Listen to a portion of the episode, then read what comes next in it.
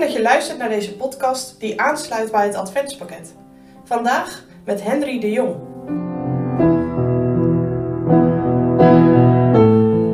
De profetie en de vervulling. Vandaag beginnen we met een uitstapje naar een ander Bijbelgedeelte. Gisteren lazen we van de evangelist Lucas uit het Nieuwe Testament. Nu luisteren we naar een evangelist uit het Oude Testament, Jesaja, hoofdstuk 9, het vijfde vers. Want een kind is ons geboren, een zoon is ons gegeven, en de heerschappij is op zijn schouder. En men noemt zijn naam wonderlijk, raad, sterke God, Vader der eeuwigheid, vredevorst.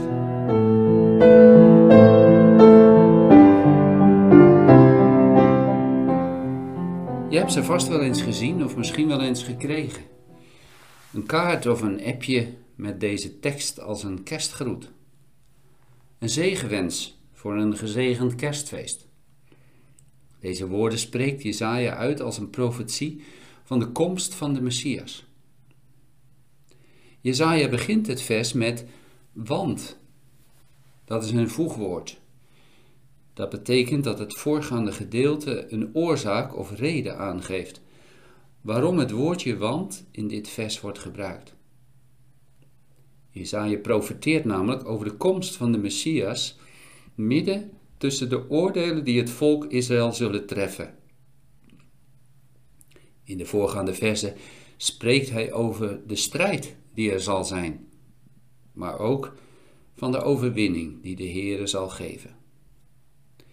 Die overwinning ligt vast, want een kind is ons geboren, een zoon is ons gegeven. Wonderlijk, als je even bedenkt dat Heer Jezus pas honderden jaren later geboren zal worden. Maar hier spreekt Jezaja al van is geboren, is gegeven, terwijl het allemaal nog moet gebeuren. Nog iets wat opmerkelijk is dat er staat, is ons geboren. Dat woordje ons doet denken aan Immanuel, God met ons. De Heere laat zijn zoon geboren worden, zodat baby's, peuters, kleuters, jongeren, tieners, volwassenen, ouderen zalig kunnen worden. Waaruit blijkt dat? Uit alle namen en eigenschappen die dit kind in de tekst van Jezaja geïnspireerd door de Heilige Geest meekrijgt. Maar dat woordje ons moet nog wel persoonlijk worden. Jezaja schrijft, en de heerschappij is op zijn schouder. Dat betekent dat hij koning wordt om te regeren en te beschermen in heel de wereld. Want alle dingen zijn in zijn hand gegeven en nu zit hij aan de rechterhand van de Vader als koning. Hij is ook profeet om de weg naar de zaligheid uit te leggen. Hij leidt zijn kinderen door de Heilige Geest. Leidt hij ook jou? Of verlang je ernaar dat hij ook jou de weg wijst? Maar hij zal ook priester zijn, een hoge priester die met zijn eigen bloed voor verzoening gaat zorgen.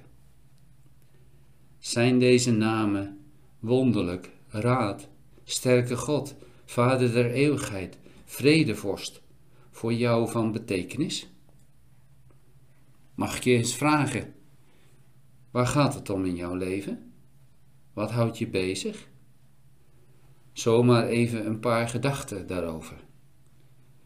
Zit je in de zorgen? Heb je moeilijkheden? Ben je op zoek naar een oplossing van iets? Zijn naam is wonderlijk. Zijn er misschien raadsels in je leven? Heb je vragen? Zijn naam is raad. Gaat het je om kracht of om ondersteuning bij iets? In je werk, op school, bij je vrienden? Zijn naam is sterke God. Zoek je de gemeenschap of een relatie met de Heer nu en in de toekomst? Zijn naam is Vader der eeuwigheid, Hij is het leven en hij geeft het eeuwige leven. Zoek je verlossing van je zonde, vrede met God en vrede in je hart. Zijn naam is Vredevorst.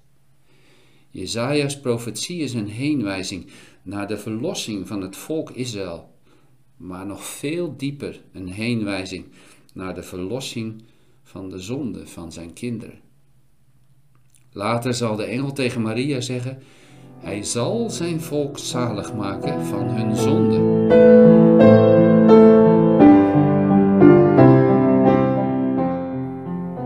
Is een waarmaker van zijn woord en belofte. Stel jij je vertrouwen op God en op zijn woord?